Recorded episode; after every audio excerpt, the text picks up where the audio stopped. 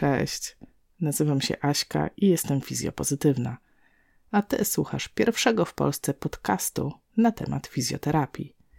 Dzisiejszy temat to kręgosłup, a konkretnie wpływ siedzenia na twoje plecy. Obecnie wiele osób cierpi na bóle pleców.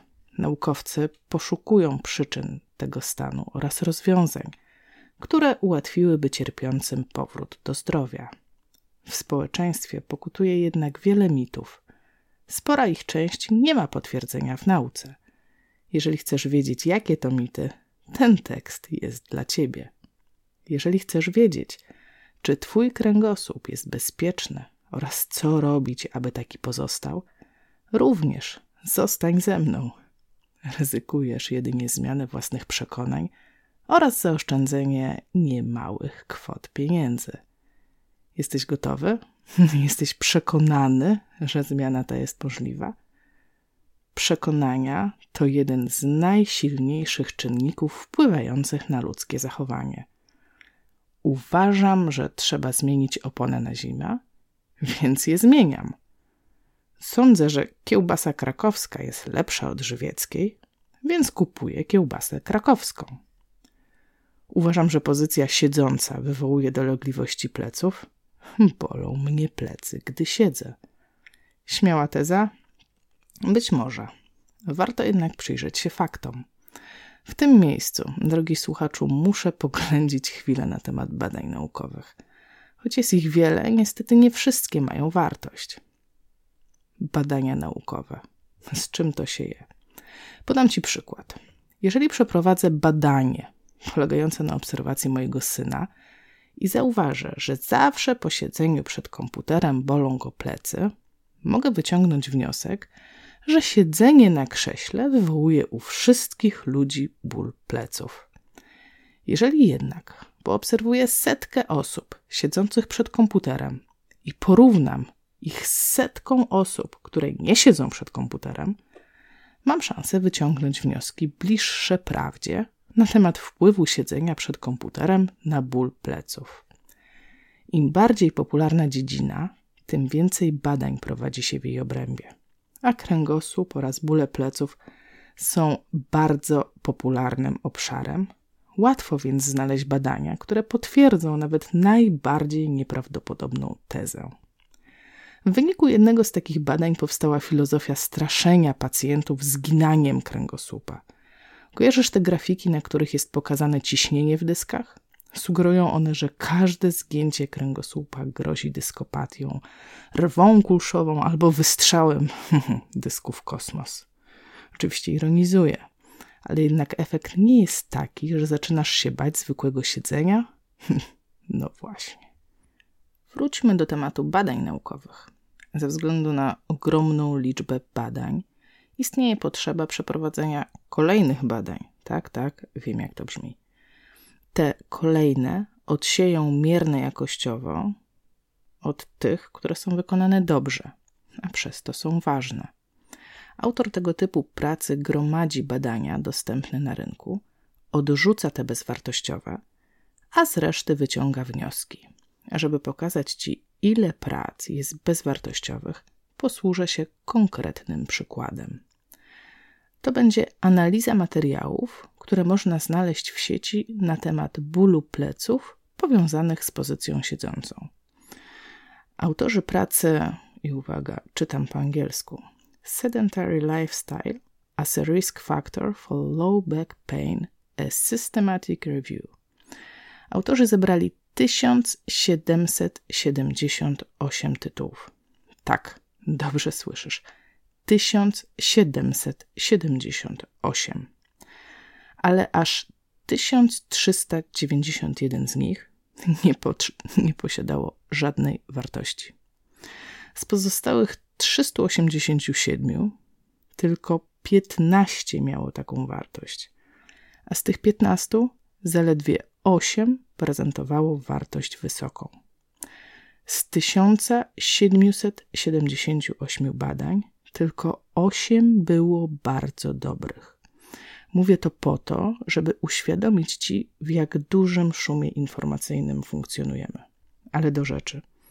czy plecy mogą boleć od siedzenia. Mimo powszechnego przekonania, że tak właśnie jest, badania naukowe mówią zupełnie coś innego. Nie znaleziono bowiem korelacji, czyli połączenia pomiędzy siedzącym trybem życia a bólami dolnego odcinka pleców. Serio.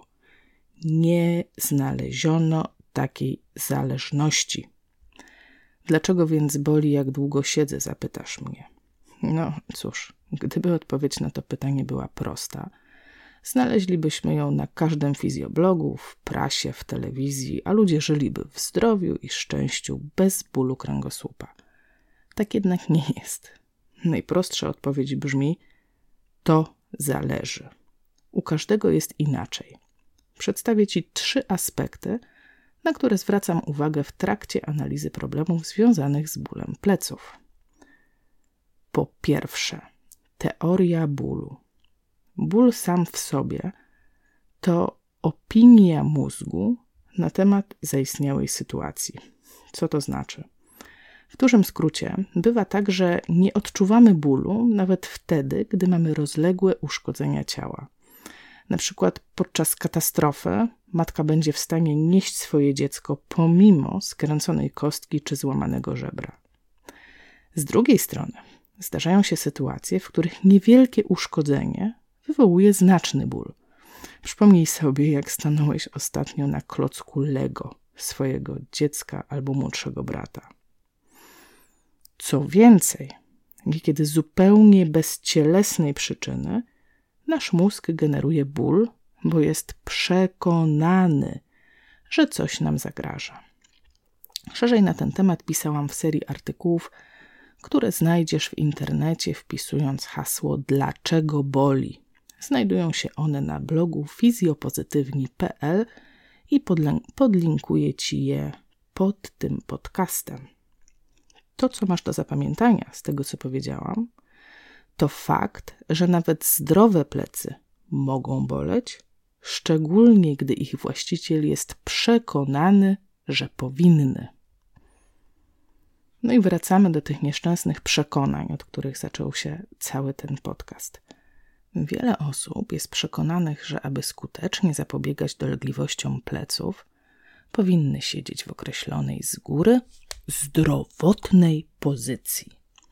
Tymczasem nawet my, fizjoterapeuci, nie jesteśmy w pełni zgodni co do tego, jak taka idealna pozycja miałaby wyglądać. Nie mów o tym nikomu. Ale nic w tym dziwnego. Każdy człowiek odznacza się inną budową ciała, inną ruchomością stawów, inną historią urazów, nawyków i uwaga, uwaga, przekonań. Dla każdego z nas inaczej wygląda pozycja neutralna. Nieprawidłowa, niezdrowotna, nieergonomiczna, lecz po prostu neutralna. Czy jednak pozycja neutralna uchroni nas przed bólem? Przykro mi, ale nie. Nawet najwygodniejsza pozycja negatywnie wpłynie na nasze ciało, jeśli zbyt długo ją utrzymujemy. Wiele się mówi na temat ergonomii. I chociaż nie ma zgodności co do wyglądu idealnej pozycji siedzącej, wciąż prowadzone są badania, które próbują udowodnić zasadność stosowania sprzętów pomagających ją utrzymać. Przypominam, że tak naprawdę nie wiemy, co trzeba utrzymać, bo dla każdego jest to co innego. Ale nie przeszkadza to firmom prześcigać się w produktach, które mają poprawić ergonomię siedzenia. Podkładki pod stopy, fotele, podpórki, półeczki, poduszeczki, kółeczka, piłeczki i tak dalej. Wszystko po to, aby było bardziej zdrowo. Niestety, a może i stety, wszystko wskazuje na to, że najbardziej aktualna jest dzisiaj stara maksyma: ruch to zdrowie.